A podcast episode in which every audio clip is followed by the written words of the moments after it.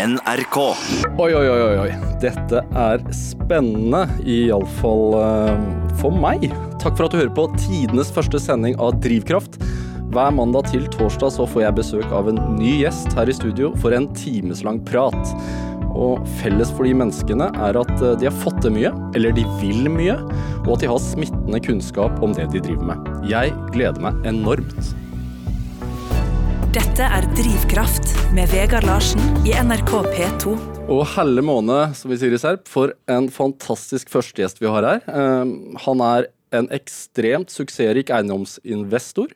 Han har mista lappen tre ganger. Han elsker kvinner og miniflasker, og han eh, har øst fra egen lomme for at Oslo by skal bli vakrere. Christian Ringnes, det er eh, utrolig hyggelig å ha deg her i Drivkraft. Velkommen. Tusen takk skal du ha, og spesielt for starten helle måned, for det er vel omtrent det jeg har, en halvmåned. Eh, hvordan har du det? Du, jeg har det aldeles utmerket etter en frisk sykkeltur fra byen og, opp Pitt. Det er jo det som er lettest i disse dager. Eh, så kan jeg bare konstatere at luften er om mulig enda bedre her oppe på Marienlyst. Du, du har jo kontorer i Oslo sentrum, og vi ligger jo liksom oppå en liten ås her. Eh, det er bare oppoverbakker, da. Du er sprek for å være 65? Ja, eh, nå er det jo litt juks, da, for sykkelen er jo eldrevet. Det hjelper betydelig både på svetteperler og pust når man kommer frem. Eh, så vi har på kontoret eh, åtte sånne sykler pluss fire sånne sparkesykler, som er litt raskere enn de man får når man går til Lime og disse andre som leier de ut. Så vi er blitt veldig eldrevne, og sånn sett da ganske miljøvennlige, istedenfor å kjøre rundt i disse bilene som man ikke får parkert og ikke kan kjøre lovlig med uansett. Så, så, det du sier er at hvis man beveger seg rundt i Oslo sentrum, så kan man, hvis man er heldig, se Christian Ringnes iført blå dress fare forbi på en elsparkesykkel? Det er definitivt meget sannsynlig. Om det er en glede, eller om det er en slags potensiell bombetrussel som kommer gående, det for det er jo ikke alltid kontrollen er 100 Du, jeg, jeg tenker um det, egentlig det eneste jeg har til felles eh, med deg i løpet av en dag, det er at vi begge står opp om morgenen, og vi legger oss begge om kvelden. Og, og når jeg har deg her, altså, hvordan er dine morgenrutiner? Altså, hva, hva spiser du til frokost, eller hvordan starter du dagen din? Eh, for det første så er jeg ekstremt eh, uregelmessig. Jeg kan stå opp klokken seks og jeg kan stå opp klokken ti og ha like god samvittighet i begge tilfeller. Og det gjelder også i arbeidsuken. Det kommer bare helt an på hva jeg skal gjennom. Nå er jeg jo så heldig at jeg bor ved sjøen, så jeg starter alltid dagen enten med løpetur og morgenbad, eller bare med morgenbad hvis været er for ille. Og de påstår at det skal være veldig bra å hoppe ut i vann som holder fire grader, og det er bølger og alt mulig sånn, og det kan jeg bare bekrefte. Ja, det er veldig bra. Du gjør det uansett årstid? Uansett årstid. Kun hvis jeg skal av gårde med fly som gjør at jeg må reise hjemmefra sånn i halv fire-tiden, da, da, dropper jeg det. hva, hva gjør det med deg, tror du, den starten på dagen? For en mann som er ekstremt B-menneske, så er det klart dette er en veldig grei måte å våkne på. Og det er stort sett det det gjør. Det, altså, hvis jeg leser Dagens Næringsliv, så får jeg jo inntrykk av at dette er en fellesnevner for folk i næringslivet, i hvert fall i toppsjiktet. Å starte dagen med en løpetur eller en svømmetur, er det en antakelse som er riktig, føler du også, eller?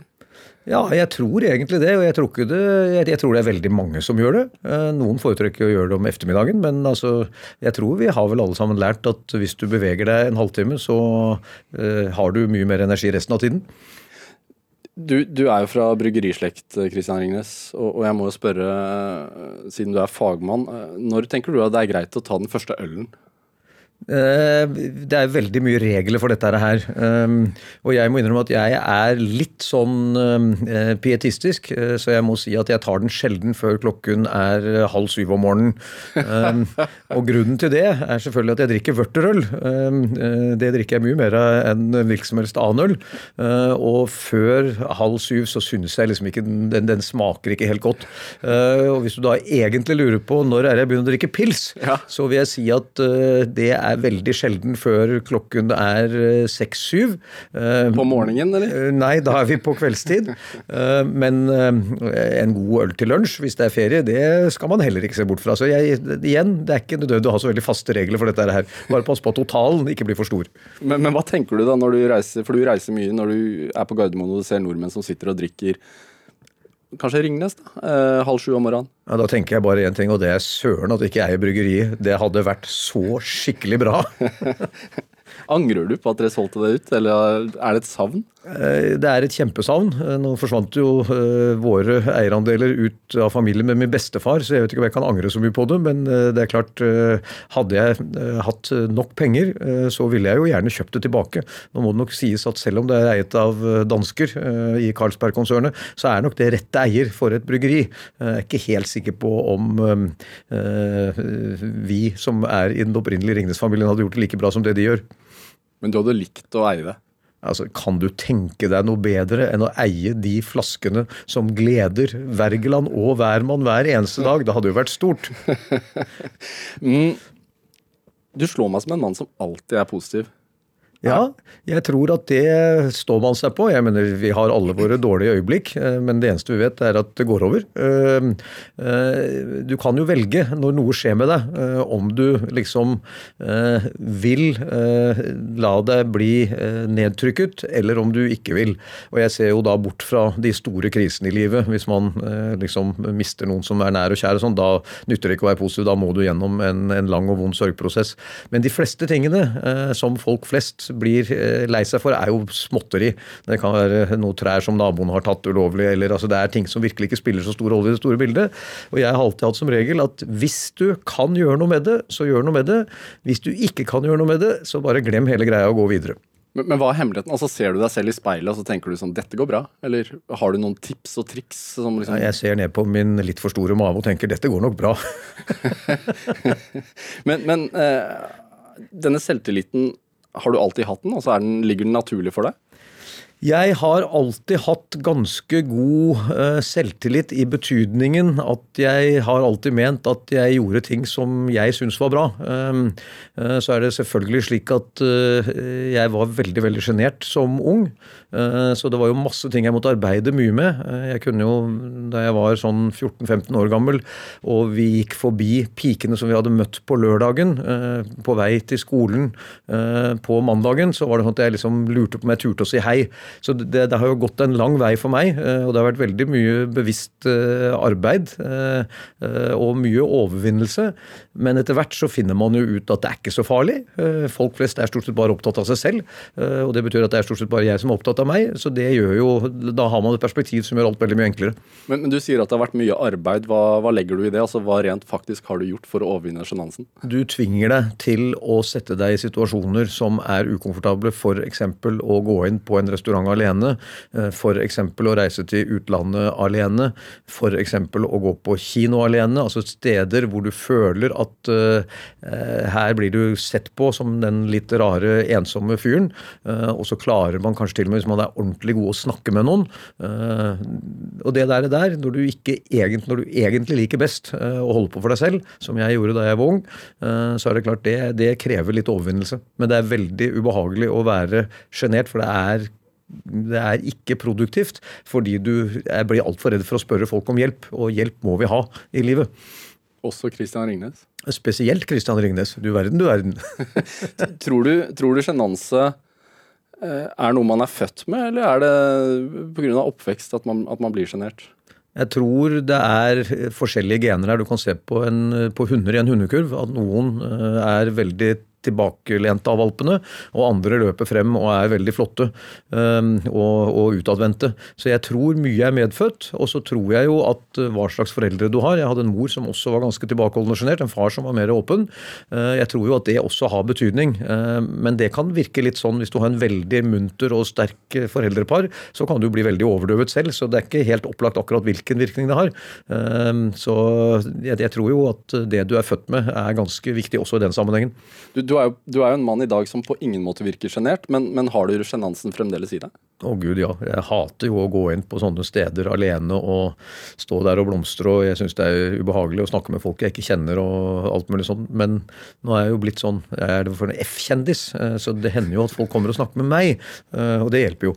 Her i redaksjonen så har vi definert deg som A-kjendis, altså bare så, du, bare så du vet det. Men Og den skalaen den går til sånn som i, i kredittrating til AAA pluss.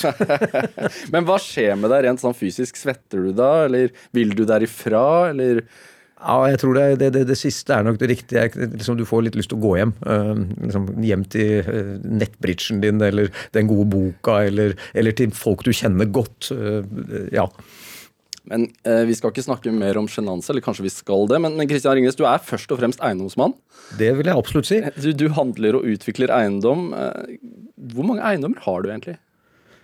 Uh, ja, nå er det jo ikke meg, da, for jeg er jo så heldig at jeg er sjef for et selskap som også har mange andre aksjonærer. Uh, men vi har vel et par hundre, tenker jeg. Vi driver jo ikke akkurat og teller. Dessuten så kan det være litt vanskelig, for det henger at de henger litt sammen. Er det da én, eller er det to? Drivkraft i NRK P2. Ja, og i dag, i tidenes første drivkraft, så er jeg så heldig å ha deg som gjest, Christian Ringnes. Eh, vi, vi var så vidt innom eiendom. Du sier at du ikke har helt telling noen hundre. Jeg har litt vanskelig for å tro at ikke du har telling. Nei, det er eh, faktisk sant. Eh, Det er veldig forskjell. Eh, Hvis du spør meg om hvilke verdifulle eiendommer jeg har, så tror jeg nok jeg skulle klare å nevne dem med adresse alle sammen. Men det er klart, når du kommer da liksom til Smalvollveien 61, 62, 65, 67, 68, kan det være litt vanskelig å huske akkurat hvilke, om de henger sammen eller ikke. Men, men bare sånn, så, så den som lytter skal få et bilde av det. Hvis du snakker om de mest verdifulle, eller kanskje de mest kjente, da. Fordi du øh, eier Du er største aksjonær i Eiendomsspar, Ja, eh, som eier veldig mange av disse eiendommene. Og, og Grand Hotel f.eks. står på den lista. ja. Hvilke flere andre er det som folk kjenner til? Jeg vil jo tro at mange kjenner til eh, Folketeatret, eh, hvor alle de fantastiske operaene spiller. Eh, senest, eller operaene, musicalene, eh, senest i dag så jeg til min store glede i Aftenposten sekser på Sound of Music, så den gleder jeg meg jo vilt til å se, selvfølgelig. Eh, så det er én. Ellers så har vi jo Holmenkollen Parkhotell, som mange vet om. Vi har Holmenkollen restaurant, vi har Ekebergrestauranten, vi har Nedre Foss gård. Dette er jo ikke de mest verdifulle, men det er jo eiendommer som mange har spist og drukket i, eh, og det er ikke å forakte. Um, og så har vi ja, vi har vel eh, totalt en 230 restauranter eller noe sånt, eh, som vi ikke driver selv, men som vi, vi leier ut. Eh, og så har vi mange av de fine eiendommene på Karl Johan. Um, eh, og der må man jo da begynne å snakke om hvem er leietageren, for da kan man kjenne igjen de også.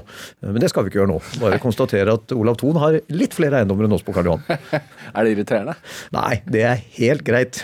Han, de gamle er eldst, som vi sier. Men hvis du og Olav Thon hadde spilt Monopol, hvordan hadde det utarta seg? Ja, Det er jeg veldig spent på. Eh, Jeg tror jeg ville holdt en knapp på Olav. Eh, Han er en slags gullstandard i bransjen. Men, men øh, dealmaking, det er et ord du liker, har jeg forstått. Ja, veldig mye eh, i eiendom, eller i alle kapitaltunge bransjer, handler jo om å gjøre handler. Um, eh, og det er egentlig ganske få handler du gjør, eh, men de har veldig veldig stor betydning. Altså Om du kjøper Grand hotell eller ikke, det er veldig digitalt. Enten så har du det, eller så har du det ikke. Og enten så har du betalt altfor mye for det, eller så har du sannsynligvis betalt litt for lite for det. Og akkurat å skjønne hva som er hva, det er ganske viktig. Og tilsvarende, hvis vi sitter med et stort kontorbygg, så er det klart vi, det er ikke noe verdt det hvis ikke vi har en leietager i det. Og da er jo dealen eh, å få leietageren til å tro på den visjonen du har om hvor bra det skal bli for han. Um, jeg personlig er nødt til å tro på eh, det jeg selger, ellers så går det ikke så bra. Eh, så derfor så må vi ha gode eiendommer hvor vi faktisk kan oppfylle våre, våre løfter til leietagerne. Men hvor begynner du da? Altså hvis du, fordi først så kjøper du jo et bygg, eller en eiendom. Ja, Øh, og hvordan gjør du den ut, altså utvelgelsen? Det er jo mye drevet av tilfeldigheter i gamle dager. Eh, som Olav Thon sa til meg da jeg var hos han eh, helt nyansatt i eiendomsspar, så sa han at ja, det er jo blitt så vanskelig nå, det var jo så lett i mine dager, da var det jo bare jeg som kjøpte, og det var jo bare gamle onkler og tanter som solgte. Nå er jo dette blitt veldig mye mer kompetitivt, det er jo kommet så mange flinke folk inn i bransjen. Og hvis du tror det var sant for 35 år siden, kan du tenke deg hvordan det er nå, hvor eiendom liksom er blitt hot og poppis og alt mulig sånt, det er jo så mye flinke mennesker der. Og det betyr jo at det er faktisk ikke så helt enkelt enkelt å vite når en deal er god og ikke god. Og så har du dette med renter, som på en måte i gamle dager gikk jo rentene opp og ned. Nå er det jo bare nede, og det også forstyrrer bildet veldig. Så det har jo vært eh, et helt fantastisk eh, element av flaks for alle som begynte med eiendom for 30 år siden. Fordi vi har én kostnad som er viktig, og det er kapitalkostnaden. Altså hvor mye renter du betaler. Og da jeg startet, så var den renten 14% Nå er den next to nothing, kanskje 1% eller noe sånt. Og det er klart, eh, avkastningen på eiendom har ikke forandret seg så veldig mye. Eh, men det gjør jo at eiendommen er blitt veldig, veldig, veldig, veldig mye mer verdt. Men, men er det bra for deg at renten går opp? Nei, det er ikke bra i det hele tatt, isolert sett. Eh, det som er bra med det, er at det kanskje blir dårlige tider, for det ville det bli hvis renten gikk opp. og ja. Da kunne jeg kanskje bruke noe av alle pengene våre til å kjøpe noe billig. Ja, det var det jeg tenkte Men på. det tror jeg tar litt tid. Og så er det noe med at uh, vi har jo ganske mye, da. Så du har jo ikke så veldig lyst til å se det blir veldig mye mindre verdt. Det skaper litt dårlig stemning, liksom. At du plutselig ja, plutselig så var du ikke verdt en milliard lenger, det ble bare ti millioner igjen. Og kanskje ble det ingenting igjen. Så nei, jeg tror nok de fleste av oss snakker om at det hadde vært fint hvis markedet ble vanskelig og du kunne kjøpt billig, men egentlig så er vi nok ganske glad for at det er, er hold i det. Men har du noen kriterier? Altså Hvis du ser en eiendom du liker, hva, hvilke bokser skal den sjekke ut før, før eiendomsspar tar og ta fram lommeboka? Vi har et veldig bevisst forhold til det. Eh, beliggenhet er nummer én, to og tre. Eh, hvis du har god beliggenhet, det er litt forskjellig for de forskjellige typene bygg. Eh, det er klart For hoteller og butikkeiendom så er det ekstremt viktig at det ligger på riktig gate, riktig sted. Og Hvilken gate er det i Oslo i dag? Ja, Det er jo Karl Johan, uten tvil. Det er jo det stedet man skal være. Og så er det jo veldig spennende. Du ser jo det konverteres mye kontoreiendommer til hotell på Karl Johan. Det skal vi også gjøre, og har vi også gjort. Ehm, så det er en, en, prosess fordi når du bor på hotell, så er det viktig å være midt oppe i bysentrum. Det er det man ofte vil. Med mindre du skal ligge over på en flyplass. Eller, altså det kan jo alltid være andre behov, eller du skal være på et møte i Lillehammer. Men stort sett så er sentral beliggenhet veldig, veldig eh, verdifullt. Og det er det eneste du ikke kan gjøre noe med. Iallfall ikke på kort sikt. Du kan jo alltid investere masse penger i et bygg og få det til å se bra ut, men hvis det ligger på Hokksund, eh, så er det ikke så lett å få verken butikker, kontorer eller hoteller opp dit. Så du må være veldig bevisst på beliggenheten. Og så er det jo noe om det er dyrt eller ikke dyrt. Altså Det er jo en god del sånne nøkkeltall. Hvor mye koster det per kvadratmeter? Koster det veldig mye mer enn det koster å bygge det? Eh, og så er det noe med hvor god avkastning får du, hvor store er leiene, eller de leiene du håper å få i forhold til kjøpesummen. Og dette er jo sånne nøkkeltall som forteller deg om du er liksom veldig dyr eller veldig billig. Og så kommer the magic. Fordi det finnes jo så mye regneark og så mye modeller, og folk holder jo på i øst og vest og beregner sensitiviteter og uh, avkastninger med forskjellige avkastningskrav og alt mulig rart. Men det er aldri bedre enn de forutsetningene du legger inn. Så de beste eiendomsfolkene jeg kjenner, er sånne som Olav Thon. De bare ser på en eiendom, jeg tror jeg er blitt litt sånn selv òg, og så skjønner du bare om dette er en god idé eller ikke. Ja. Så du, du, er egentlig et vandrende regneark. Du er en vandrende øh, du, du, forstår, du, forstår om det blir en suksess eller ei? Ja, jeg tror ganske ofte det. Uh, fordi uh, du har liksom 35 års erfaring i maven. Det har jo begynt med at du satt på alle regnearkene, men etter hvert så blir det litt automatikk i det.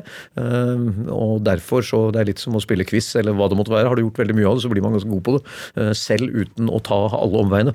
Men, men denne teften for, for forretninger og deals Har du den andre steder i livet også, eller er det bare eiendom? Nei, det er jo overalt, selvfølgelig. Altså, jeg, jeg, elsker jo Jeg begynte jo med denne berømmelige tøyskilpadden som jeg solgte til min søster for ti kroner hver mandag og kjøpte tilbake hver lørdag når hun trengte penger for fem kroner. Det var jo, jeg lærte jo tidlig hvordan dette foregår. Så det er klart, nei, jeg syns det er veldig morsomt om det er kunst eller om det er uh, Uansett hva du kjøper, å prøve å liksom få en liten rabatt, få en liten deal. Jeg syns jo det er alltid i seg selv veldig morsomt. Hva er det som er gøy med det, da? Ja, Det er vel det der lille spillet, om du får det til eller ikke. Litt barnslig på en måte, men eh, det er jo lønnsomt, da. Ja, men Er det er, det, er det, det å, å, få gjennomført selve handelen, eller er det den potensielle gevinsten som, som er drivkraften?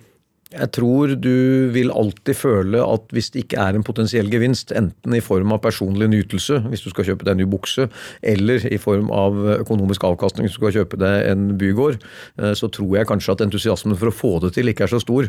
Eh, men så kommer det jo, jeg syns veldig ofte at jeg føler at eh, man liksom blir dratt veldig på slutten, og spesielt i eiendom nå som er så hett, blir du dratt veldig på slutten og har en følelse av nei, uff, der betalte jeg for mye. Og da er det bare å se seg i speilet og si nå er det gjort. Nå er det bare å prøve å få det beste ut av det.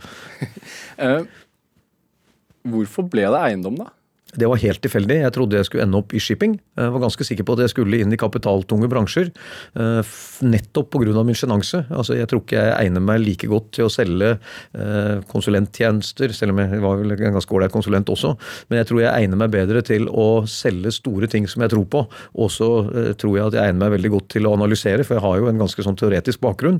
Og det å prøve å forstå tilbud, etterspørsel, om, det er liksom, om trendene er med deg eller mot deg, alt det dro meg nok veldig veldig mot kapitaltunge bransjer, som shipping definitivt var en av. Um, uh, og så slår jeg jo bare fast at det å havne opp i eiendom, som da var litt tilfeldig, det var superheldig. Uh, ta eksempelet. Fly er jo også en kapitaltung bransje. Uh, da jeg var ung for 30 år siden, så kostet flybilletten til København 4000 kroner, og hotellrommet kostet 400. Nå er det helt omvendt. Hvilken bransje har du mest lyst til å være i? men, men, var det en del av beslutningsgrunnene? Altså, Nei da. Livet er jo så mye flaks. Så det handler jo om å skjønne når du har flaks. Altså, det, det, det, er jo, det er som å sitte på siden av en elv. Du driver forbi ting. Noen er padder og ormer, og noen er nydelige eh, gjørmedekte uh, smørbrød som du gjerne ville legge i deg. Det handler bare om å skjønne hvor du er, og være våken for mulighetene. Uh, og så må man ha et visst fokus, da, fordi ingen er god på alt. Så du, du må jo definere litt hva er dine, dine spillearenaer. Du har hatt kanskje litt mer flaks enn andre? Det er det du prøver å si? Altså Det å havne i eiendom, det er vel det heldigste du kunne gjøre. Eh, det har jo steget i verdi stort sett med noen små sånne nedtagger, men stort sett jevnt og trutt i 35 år pga. stadig fallende rente. Hva var din første eiendom, da? Altså det første virkelig liksom, store kjøpet som ga deg sånn sug i magen? Nei, det første jeg gjorde var å kjøpe da jeg, var, jeg bodde jo i København som konsulent i McKinsey, og da kjøpte jeg min egen leilighet der. Eh, og uten at jeg skjønte noe av det den gangen, så doblet jo den seg verdi mens jeg bodde der i tre år. Eh, så det er klart det ga jo startkapital til alt andre. Eh, men den første Eh, eiendommen jeg kjøpte profesjonelt Jeg ble jo ansatt i et firma som hadde syv eiendommer. Eh, men den første vi kjøpte profesjonelt, var bitte liten. Det var Bogstadveien 19. Eh, en liten, en liten, bitte liten eiendom. Og jeg husker vi holdt på, og vi analyserte, og vi sto i, i dagevis på noe som i dag ville tatt meg en tiendedel sekund å si ja eller nei til. Så det er en læring. Hadde du sagt ja i dag, da? Å oh, ja, ja, ja. Den var fin. men det du sier er at salget av din første leilighet i København var startskuddet for det hele? Ja, på en måte så var det jo det. For det, det, du må jo ha litt kapital. da, Det er jo det med eiendom at du må på en måte få deg kapital. Og veldig mange får jo kapitalen akkurat på den måten. Du kjøper deg en leilighet litt sånn i vannvare fordi du skal bo der en stund, og så selger du den, og så er den plutselig blitt mer verdt. Og da har du plutselig fått mye mer egenkapital. Men, men noen er jo født med denne kapitalen? Ja, øh, og det var jo i og for seg jeg òg, men øh, nå var det min fars mening at disse pengene skulle vi ikke få før vi var blitt, var blitt godt voksne. Så jeg måtte liksom Jeg vet ikke om jeg måtte bevise det på egen hånd, men øh, det var iallfall et veldig sterkt mål for meg selv at jeg skulle vise at dette, dette hadde jeg klart selv om jeg ikke hadde fått noe av mine foreldre. Hva tror du det, det at han ikke øste penger utover deg i ung alder, hva tror du det har gjort med deg? Jeg tror at han var en veldig nøktern person, eh, selv om han da tjente penger på å selge lastebiler i Norge. Eh, den fabelaktige Scandinavus-lastebilen. Eh, så var han jo en veldig nøktern mann. altså Han gjorde alt selv. Han kjøpte dårlige biler, gikk i alltid dårlige klær. Var ikke spesielt opptatt av verken kunst eller noe annet. Så det eneste han vel brukte penger på, var jo innimellom å kjøpe seg en ny båt. Og de sank jo stort sett. Så nei, han var, han var nøktern. Og det, det tror jeg det farvet oss veldig. Eh, og det var liksom alltid eh, tæring etter næring osv. osv. Og det, det er en moral du fremdeles har i deg, eller en etikk? Ja, altså mine barn har jo på mange måter hatt samme problemstillingen. Eh, og det er jo det samme der. Altså de må også Eller det jeg kan slå fast, er at de klarer seg veldig godt på egen hånd. Du har spådd godt før. altså Du sier jo at det er mye flaks inne i bildet. Men uh, du blir jo omtalt som en sånn spåmann som virkelig har tatt, hatt rett veldig mange ganger. Uh, sånn kort, Tenker du at eiendom fremdeles er god business, og i 2019 og også i årene fremover? Ja, og det er litt forskjellig eh, fra segment til segment, som det heter så fint. Altså typen eiendom du kjøper. Det er klart akkurat handelseiendommer, altså butikkeiendommer nå, med nettet og alt det som skjer der. Ikke bilfri by, det tror jeg bare er positivt, men nettet er en kjempeutfordring for tradisjonell varehandel. Så der kommer man til å se at det blir mindre totalt behov. Så det er kanskje et litt vanskelig segment. Mens derimot lager, da, eh, det er noe som alle vil ha nå, fordi du trenger jo mye mer lager når du er nettbasert enn hvis du hadde brukte butikken som lager og slapp alle returene. Eh, nå har jo alle sett det, da, eh, så nå er det jo en overreaksjon. Eh, og det er sånn det ofte blir. Sånn skal alle ha lager, og ingen vil ha butikk. Og da er det ofte lurt å begynne å kjøpe butikk og selge lager. ikke sant? Det er bare sånn det er, fordi du skal ikke gjøre det alle de andre gjør. Og så er det kanskje litt tidlig, kanskje man skal vente noen år med å gjøre det. Generelt sett, eh, med disse kvalifikasjonene, så tror jeg jo at eiendom, hvis renten holder seg lav, og det er det store visset, hvis renten holder seg lav, så er det fremdeles verdiøkning i eiendom. Fordi folk får jo ikke penger på sparepengene sine, eller de får ikke avkastning, rente, på sparepengene sine lenger. Og hva gjør du da? Jo, da kjøper du eiendom, for det gir iallfall en viss avkastning. Og da vil man kjøpe trygg eiendom, altså alt det som eiendomsspar har. og Derfor så tror jeg at våre eiendommer har en god sjanse til å bli mer verdt. Men det er én en eneste ting, og det er renten. Hvis renten mot formodning skulle stige, hvilket jeg har vondt for å se, for jeg skjønner ikke hvem som tåler høy rente, og den er jo manipulert av sentralbankene, og de ser ut som de er enige om at den skal man holde lav. Eh, og hvis det blir en ny nedgang, så skal man bare trykke enda mer penger. Så, og i alle de scenarioene så vil eiendom ha det bra. Uh, og så kommer det sikkert en kjempekrasj på et eller annet tidspunkt, og da er det jo bare å ikke ha for mye gjeld. Så det blir ikke et nytt 80-tall? Nei, jeg tror ikke det. Det ser ikke sånn ut for meg. Eh, jeg tror det er Det, det, det skal ganske mye til at folk går over ende. Bankene er mye mer forsiktige også. De låner jo bare ut til 60-65% til næringseiendommer. Hva med boligmarkedet, da? Ja, nå, eh, Det er jo Oslo jeg følger spesielt nært, og jeg var litt redd for Oslo-markedet. For det ble jo bygget veldig mye, og innvandringen til Oslo gikk jo kraftig ned.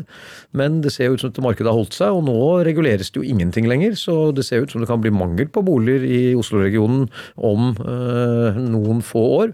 Så jeg vil ikke være så veldig redd for det boligmarkedet, selv om det er på all time high, og selv om det er mye som tyder på at øh, det har gått langt. I Eh, et annet marked du har kjøpt deg inn i, har jeg lest, eh, i hvert fall ifølge Dagens Næringsliv, er jo at du har kjøpt parkeringsplasser for nesten en milliard kroner. Det gjorde du i starten av 2019. Hvorfor det? Ja, Er ikke det liksom litt yesterday's news? Altså, Hvem er det som skal kjøpe parkering når ikke det blir biler lenger? Uh, min erfaring er vel at eh, det som heter the tail end, altså slutten av sånne perioder, er veldig veldig lang. Men igjen så handler det om beliggenhet. Uh, jeg tipper at det siste stedet man kommer til å holde opp å parkere, er på Oslo sentralstasjon, og det er der vi har kjøpt dette her. Der og i Asker. Uh, så jeg tror at det kommer til å fortsatt være etterspørsel etter parkering i lang tid fremover. Uh, og det kan ta mange forskjellige former, eh, så tror jeg jo at det å ha veldig mye arealet rett ved Oslo sentralstasjon, selv om det er under bakken, altså det må man kunne bruke til noe. Eh, det vil være bruk av det, om det nå blir store underholdningshaller etter hvert, eller om det blir eh, distribusjon eh, hvor man laster om fra tog til mindre ting. Altså Det er tusen ting som kan skje hvis beliggenheten er god. Men jeg tror på parkering på en god stund enda. Sier mannen på elsykkelen. Sier mannen på elsykkelen. Eh, du kjører selv? Jeg kjører selv. Jeg må innrømme at jeg sykler oftere og oftere, men jeg er jo så heldig at jeg har en parkeringsplass i eh, Oslo. Og det er klart, eh, det, det, er, det, det er veldig greit når man skal noe som er utenfor sykkelavstand, og det skjer jo stadig vekk. Kjører du uten bilbelte fremdeles, eller? Uh, ja, jeg, dette kan jeg jo ikke si, det er jo så politisk ukorrekt og så ufornuftig og sånn, men ja, jeg gjør nok det. Hvorfor det? Nei, Jeg vet ikke. Det er, liksom, det er vel en liten, en liten protest mot all formynderstaten, kanskje. Men Det er din, din, din stille Min lille protest. stille protest. men piper ikke bilen, da? Jo da, men det finnes det måter å ordne på. Eh, Man kan jo gjøre det som jeg prøvde en gang, nemlig å klippe over ledningene. Da piper det bare hele tiden, uansett om du setter i belte eller ikke. Så det lærte jeg at det var ikke noe lurt. Men du kan jo gjøre det som drosjesjåføren gjør. At du bare tar og lager med et uh, litt tykt kredittkort uh, den samme konfigurasjonen som det er på enden av beltet, og så stikker du bare ned, det nedi der. Så jeg har en fire-fem sånne som jeg da tar med når jeg ikke har lyst til å bruke bilbelte. Jeg bruker alltid bilbelte bilbelte eh, hvis jeg kjører langt. Eh, da Det er noe litt annet. Lite bilbeltehack der altså fra Christian Ringnes. Eh, vi i Drivkraft har ikke noe ansvar for dette her, men kjør på, kjøp på eget ansvar, holdt jeg på å si. Hva tror du leietakerne dine tenker når du skrur opp husleia?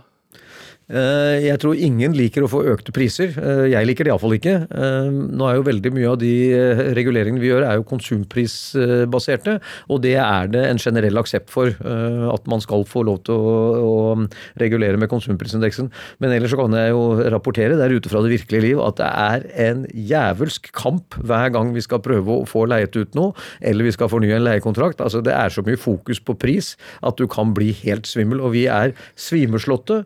og føler at vi har gitt fra oss altfor mye, biter tennene sammen og går videre. Det er ikke noe synd på deg, syns jeg.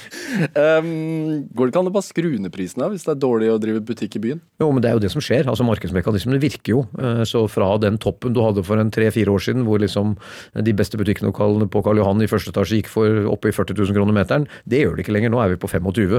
Men det er jo, du lever jo ganske godt allikevel, da. Du, Vi skal snart snakke om noe annet, men, men først så skal vi høre en låt du har hatt med. Uh, og Du har med en låt som heter 'Voyage Voyage' uh, av Desireless. Hva, hva, er det for en låt? Du, dette er en eh, fransk eh, sang eh, som jeg hørte første gang da jeg kom til mitt studiested Lausanne. Ensom og alene med én koffert på et stort tog og skulle lære meg fransk. Og fransk hadde jeg stort sett ikke hatt før, så jeg var ganske sånn ydmyk og usikker. Og så hørte jeg da denne sangen på togstasjonen da jeg kom inn, og jeg ble veldig fenget og veldig trøstet av den, og den har da fulgt meg senere i livet. Skal jeg på eksamen, så er det den jeg, var det den jeg hørte på. Eh, er jeg i godt humør eller trenger kraft og energi, så blir det voyage, voyage. Og det morsomme er jo at denne gruppen Desires har jo aldri klart å få til noe annet enn akkurat den sangen, men den lever jo faktisk selv i NRK den dag i dag. Da hører vi på den, syns jeg.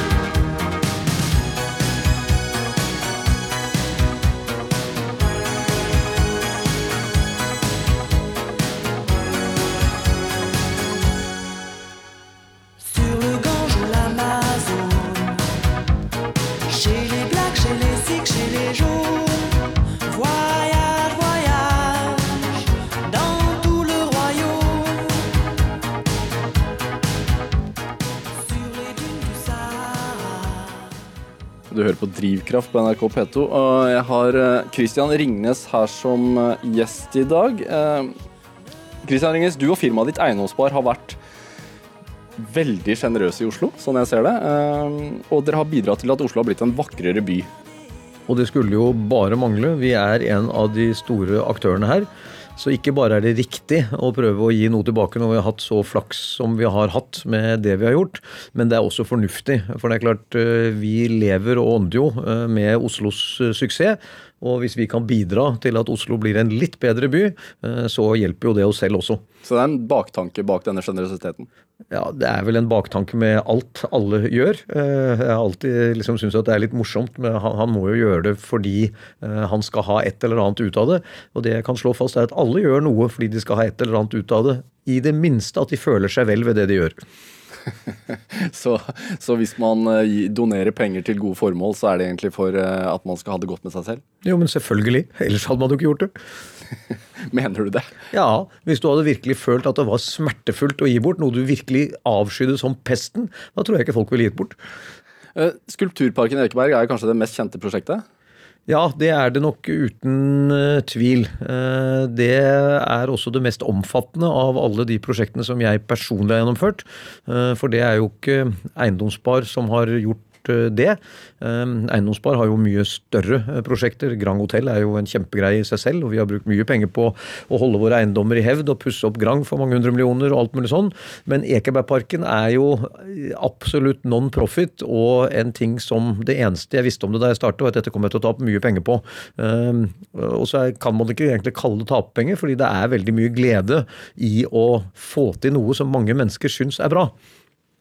Hvorfor ville du starte dette prosjektet da, i utgangspunktet? Nei, Det begynte vel med at jeg lurte litt på eh, Skulle det stå 'Her ligger verdens største småflaskekonge på graven min' da jeg døde? Eh, så tenkte jeg at det er jo fint, men det kunne kanskje suppleres med noe annet også. Eh, og da var jeg, var jeg vel sånn midt i 40-årene. 40-årskrise. Du lurer på skal du begynne å arbeide for eh, miljø, eller hva skal, man, hva skal du egentlig liksom begynne å gi tilbake med, da? Um, og så hadde da tilfeldighetene ville at vi kjøpte Ekeberg-restauranten. Uh, den dømte jo alle nord og ned. Mens vi holdt på å pusse opp den, så gikk jeg jo mye rundt der oppe. Uh, leste om denne flotte folkeparken som hadde vært der uh, rundt århundreskiftet 1900, um, og så jo ikke noe igjen av den, for det var jo Alt var i dårlig stand og man turte ikke å gå der om natten, og det manglet lys, og det manglet stier, og alt var grodd igjen, og alt mulig rart. tenkte jeg det hadde vært morsomt hvis man kunne fått pusset opp disse også. Men det var jo kommunal grunn og en kommunal oppgave, så liksom det å begynne med det virket litt sånn utenfor fornuften. Og så var det jeg fikk det for meg, at kanskje, og da hadde jeg vært mye på reise i Europa og sett bobolighaver og alt mulig rart, tenkte jeg kanskje man kunne liksom legge en ny dimensjon oppå dette her, med en skulpturpark. Og så begynte jeg å snakke om det, da drømmen om en skulpturpark. og Jeg var jo litt uheldig med ordvalget. Vi brukte jo sånne ting som 'til kvinnens pris', hyllest til kvinnen og sånn. Og da var det jo mange som fikk piggen ut, og det var jo ikke det jeg mente. Og så fikk vi omformulert det til at den skulle være feminint inspirert, eh, som en rød tråd. Det betyr både at eh, kunstnerne kan være feminine, og at liksom ideen eh, bak skulpturene kan være feminin. Eh, og så begynte denne ballen å rulle. Og folk flest var veldig positive da jeg viste mine fire slides på slutten av oppussingen av Ekebergrestauranten, drømmen om denne skulpturparken. og så tok det jo bare veldig lang tid å få det gjennomført, og et eller annet sted midtveis i det løpet med å få tillatelsene og gjøre avtaler avtale med Oslo kommune, så ble det jo mye rabalder. Ehm, og det var bra, fordi rabalder som eh, Det viser to ting. Det ene er at det er et viktig prosjekt man driver med. Eh, hadde jeg gjort dette på et jorde på Hokksund, så hadde nok ingen syntes noen ting i noen retning. Men det er klart dette var et viktig sted, og det var et viktig prosjekt, så da skal det være rabalder.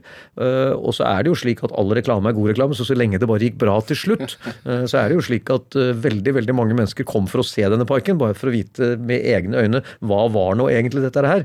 Og da fikk de jo sjansen til å se det, og fikk sjansen til å synes at det var en fin park. Og det tror jeg ja, det må iallfall være 95% av de som besøker den, som mener det i dag. Men, men når kritikken sto på som verst, så gikk det inn på det i det hele tatt? Altså Her prøver du å, å gjøre en god gjerning, og så får du bare kjeft? Nei, jeg vet ikke helt om jeg så sånn på det. Ehm, jeg visste jo at det kom til å bli bråk. Altså, Du setter ikke i gang noe sånt så der og tror at det skal gå stille i bakdøren, eller at alle skal sitte og juble.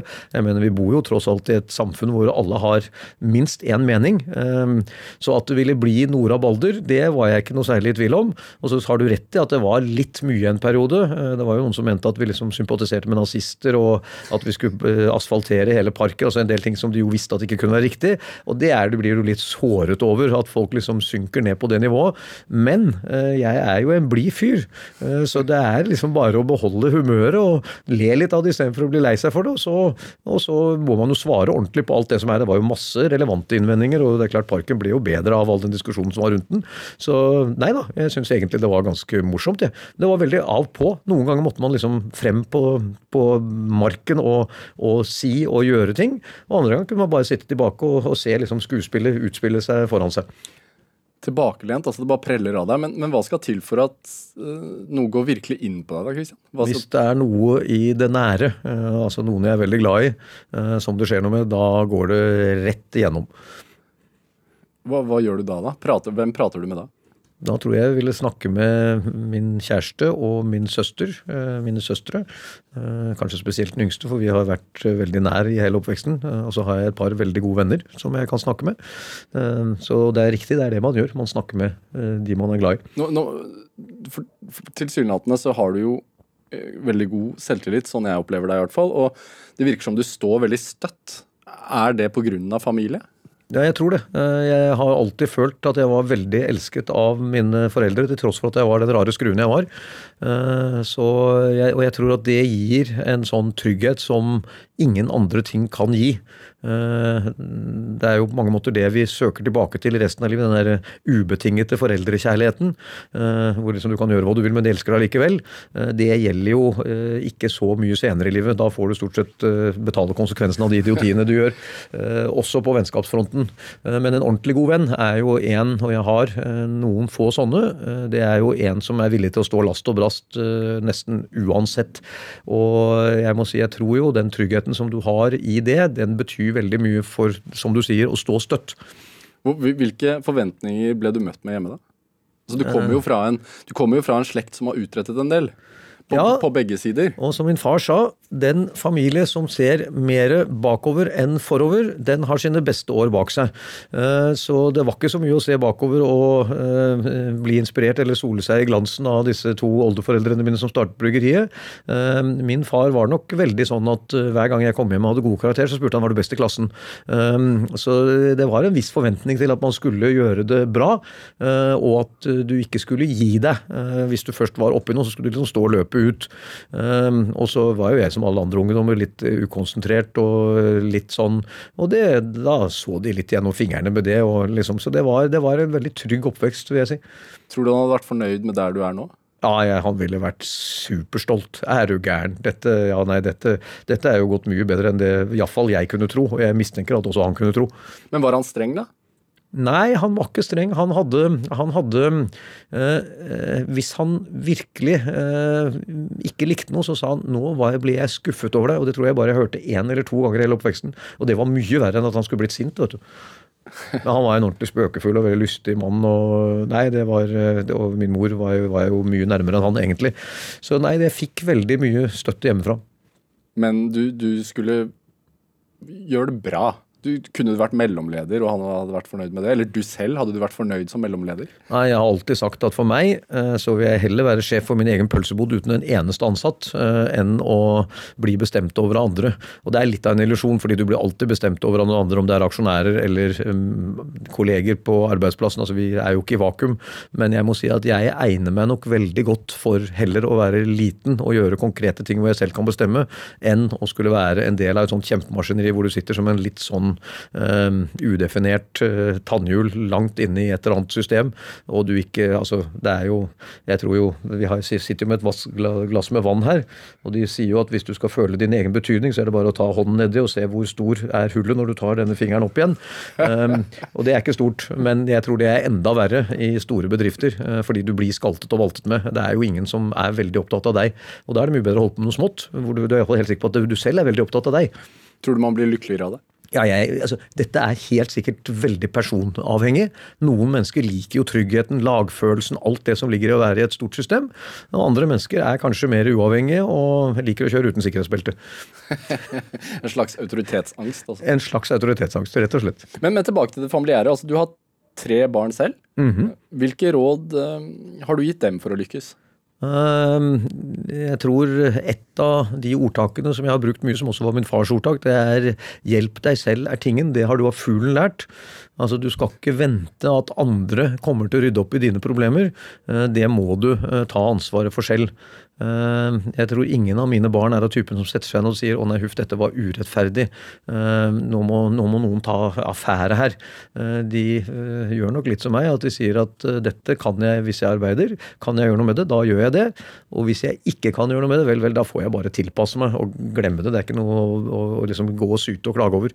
Og det er jo Dette høres jo veldig enkelt ut, men jeg er jo overrasket over hvor mye syting og klaging og synsing og sånne sure kaffekopper det finnes rundt omkring i hele verden.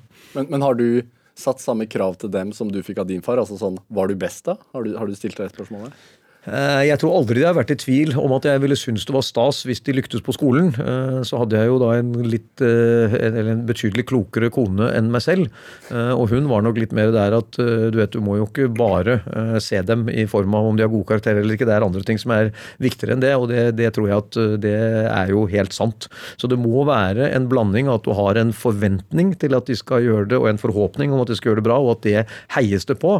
Men det er klart, livet er mye mer enn gode karakterer på skolen skolen, eh, eller hvor rik du er, eller hvor god forsker du er. Altså det er, det er et sammensatt mangfold. Og så vidt jeg kan bedømme mine barn, så er de men Vi har jo Isabel, da, som er veldig mm, frempå øh, og gjør det storartet for en viktig ting, nemlig tech og kvinners stilling i samfunnet. Og så har vi Anette, som er tidligere i karrieren, som har vært norgesmester i sprangrutt, og øh, som nå jobber i First House og gjør det skarpt der. Og så har vi med en sønn som er modigere enn noen av oss andre til sammen, som som driver sin egen virksomhet og er i ferd med å bli cash-positiv. Og han er jo ung. Eh, så jeg må si jeg er veldig imponert over de hver på sin måte. Er de også en drivkraft for deg? Ja, jeg tror jo eh, det å se sine barn blomstre opp, uh, all den kjærligheten du har til dem. Uh, det er klart, det er jo Altså, det var en, en general en gang som sa uh, Jeg har bare ett råd til dere. Var på sånn svær commencement da, i, på universitetet i USA. Og det er res sengen hver morgen. og Det høres ut som et ganske sånn tullete råd, men det var liksom bare da kommer du deg opp. Du gjør allerede helt i starten av dagen noe som er meningsfylt og ordentlig. Du rer senga. Og ja, jeg tror tror jo liksom Mine barn de rer senga. Um, og kommer i gang og får gjort ting. Men har det å få barn og se de vokse opp uh, forandret deg selv på noe vis? Å ja. Oi, gud, ja. Du lærer jo så mye av barna. Og du ler jo så mye sammen med dem. Ehm, så jeg tror, jeg tror man blir et mye iallfall, Igjen, det er mange varianter av dette her, men for meg eh, kan jeg trygt si at de har gitt meg en mye større forståelse for betydningen av mellommenneskelige forhold. Ehm, gleden av å være sammen med eh, både dem eh, og andre. Og all denne nysgjerrigheten og energien som jo er Det er helt fantastisk. Men eh, jeg, jeg, jeg, er selv blitt far. altså Jeg har en guttunge på, på, snart 16 måneder hjemme. Og jeg merker jo allerede nå, og jeg har en eh, jobb som er mye mindre krevende enn din, at, at det er en utfordring å være best på begge, altså på, på begge arenaer. Um, og jeg jobber ni til fire. Det antar jeg at du ikke har gjort opp igjennom. Altså, hvordan har dette vært for deg? Altså kombinere småbarn, og du har tre barn, det er imponerende. Uh, og det å drive en svær business. Ja, nei, men altså, Det er ikke uten komplikasjoner. Ehm, eh, det hender at jeg holder foredrag for BI-studenter og andre som på en måte gjerne vil gjøre karriere. Jeg sier 'it comes with a cost'. Altså, er, Du kan ikke klare med det konkurranseklimaet det er, å leve et helt normalt eh, familieliv hvis du skal være toppleder. Eh, det er bare too many demands. Ehm, så det er på en måte en slags trade-off som du må gjøre. Eh, og så blir man jo på en måte dratt litt inn i det. Eh, jeg vil si at eh, min generasjon er jo midt imellom generasjonen. altså Min fars generasjon var jo sånn at far gikk på kontoret, og når far kom hjem, så var det stille. Far skulle sove middag. Alt var på fars premisser. Og barna skulle ses, men ikke høres. Og de skulle være høflige og si pent god natt til far. Og far var liksom den store autoritetsfiguren. I dag opplever jeg jo at på en måte det skal deles likt på arbeidsoppgaver osv. Eh, det er mange flere kvinner som jobber for egen maskin, så det er kanskje ikke så god eh, orden på eh, systemet der hjemme. Så det er klart dette er blitt ekstremt mye mer krevende, og samfunnet er jo også på vei dit hvor det aksepteres i mye større grad at selv toppledere ikke jobber så hardt som det de, eller så mange timer. Men så har du det andre, og det er at nå må de jo være på hele tiden. for det er jo Én ting er at du kanskje er der, men du sitter jo med alle disse duppedittene, og det kommer mailer, og det kommer ditt, og du føler at du må svare. og Det er jo sånn der svær godteri hver gang du klarer å få en innboks som begynner å liksom bare være på én side. og Så man sitter jo og bruker altfor mye. Og der har jeg en fordel, for det der orker ikke jeg helt. Altså, jeg, liksom, det, jeg legger vekk telefonen og, og sånn. Så, eh, men det er den, den der, det der puslespillet der, ehm, det er vanskelig uh, uansett. Og jeg fikk brev fra min datter da hun var ti år gammel, hvor hun sa pappa, jeg skjønner at du er verdens mest vellykkede mann, men jeg er faktisk bare opptatt av at du skal være mer sammen med meg, og det syns jeg du gjør altfor lite av. Og det er klart, det river deg i hjerteroten. Um, og det, jeg vet ikke om det ble så veldig mye bedre etterpå, egentlig. Hva tenker du om det, da? Jeg tenker at uh, nå er hun midt oppi akkurat det samme og skjønner hvilke problemer jeg hadde. men, men uh, hva skal til for at du trapper ned og, og pensjonerer deg? Er det masse barnebarn, eller hvordan, hva tenker du om det? Ja, dette tror jeg skjer litt av seg selv. Altså Enten så blir du som Olav Thon og holder på i rask vigør og øh, kan til og med gifte deg som 96-åring. Uh, eller så trekker man seg gradvis tilbake. Det er klart Jeg eier jo såpass mye uh, at jeg vil kunne bestemme selv for mange praktiske formål hvor travelt jeg vil ha det. Og Foreløpig så syns jeg jo at det er så morsomt og så givende å drive med det jeg driver med, at jeg kunne nesten ikke tenke meg et liv uten mye av det. Eh, men jeg merker jo det at jeg er jo mindre eh, Jeg har jo mye mer flinke, selvstendige folk rundt meg nå enn det jeg hadde i gamle dager. Så nå går jo butikken, eh, selv om ikke jeg er der en uke eller fem. Det, det går fint. Det gjorde nok ikke på samme måten før. Så jeg har mer fleksibilitet nå enn jeg hadde. Hvis man tenker på barna dine og, og og sånn 20-30 år frem i tid, og så ser man på Norge som helhet. Hvordan, hvordan håper du Norge er om 20-30 år? Hvordan håper du det utvikler seg? Vi hører jo stadig vekk om klimakatastrofe, og uh, skal vi bli oljeuavhengige? Hvor går eiendomsprisen? Altså, hvordan håper du Norge er om 20-30 år? Jeg håper jo på en måte at det er som i dag, bare modernisert. Og det som jeg syns preger det norske samfunnet i dag, er at eh, det er et av de likeste i hele verden. Kan man alltid eh, spørre er det likt nok, men det er iallfall i en realistisk målestokk så er det veldig likt. Alle nordmenn eh, kan snakke med og kjenner alle nordmenn. Det er liksom ikke lagdelt, sånn som du finner bare du reiser et lite stykke i Europa eller til USA. Så hvis du er flink til noe, så blir du jo respektert som fagmann, og det er ikke noe dårligere å være en kjempe kjempeflink snekker enn å være en kjempeflink forretningsmann. Det, Iallfall i mitt hode så er det liksom to helt supre ting eh, begge deler.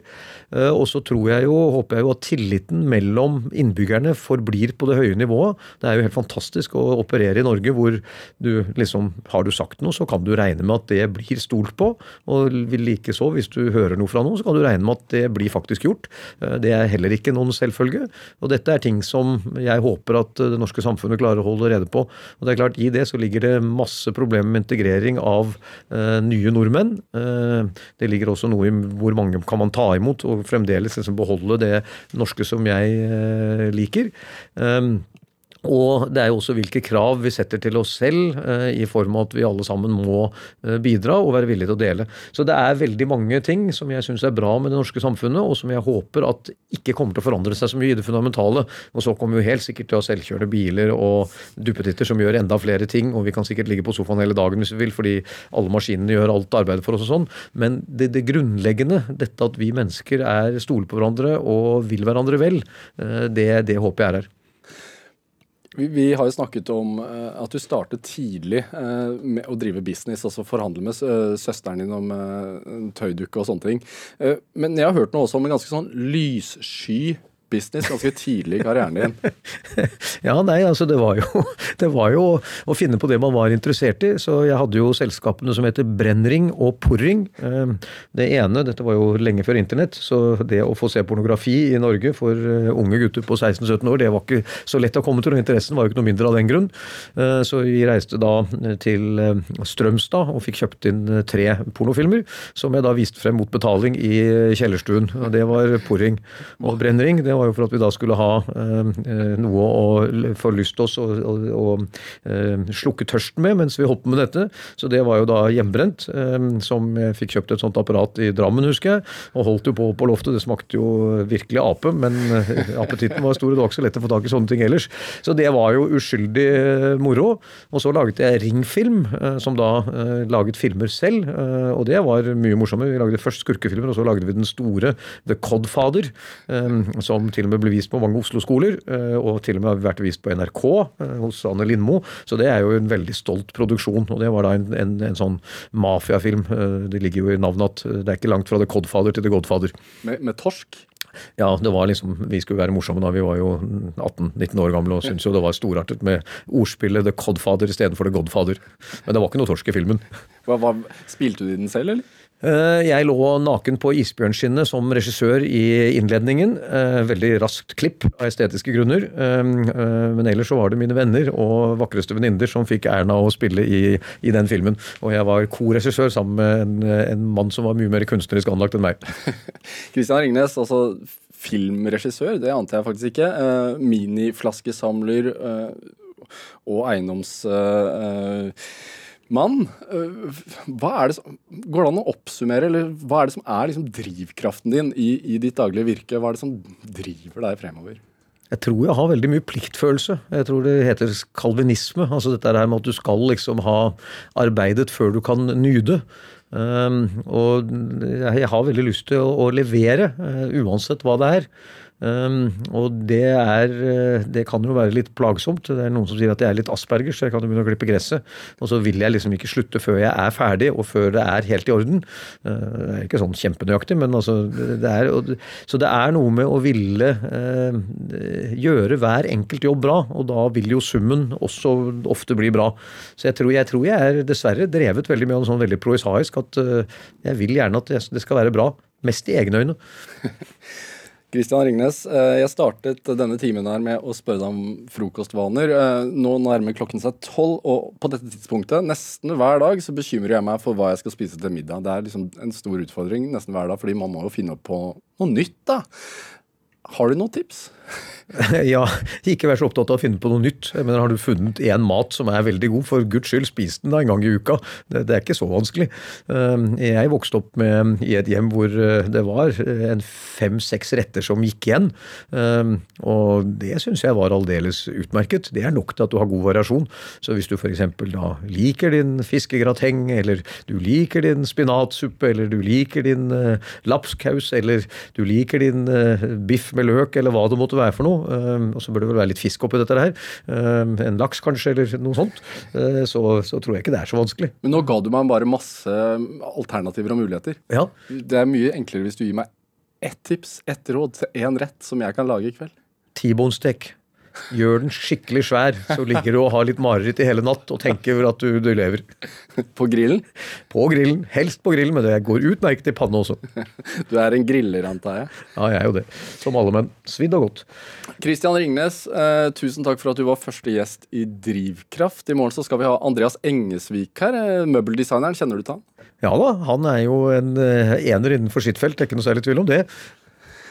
Så dere får lytte til han i morgen. Um, og hvem du har lyst til å høre her i samtalen med meg, det er vi interessert i. Uh, Drivkraft vil prate med inspirerende mennesker, og vi tar gjerne imot ditt forslag. Uh, send en e-post til drivkraft at nrk.no hvis du har noen gode forslag til hvem vi kan prate med i dette studioet. Og Kristian Ringnes, tusen takk for at du var vår første gjest i Drivkraft. Stor ære. eh, Hjertelig takk for sjansen.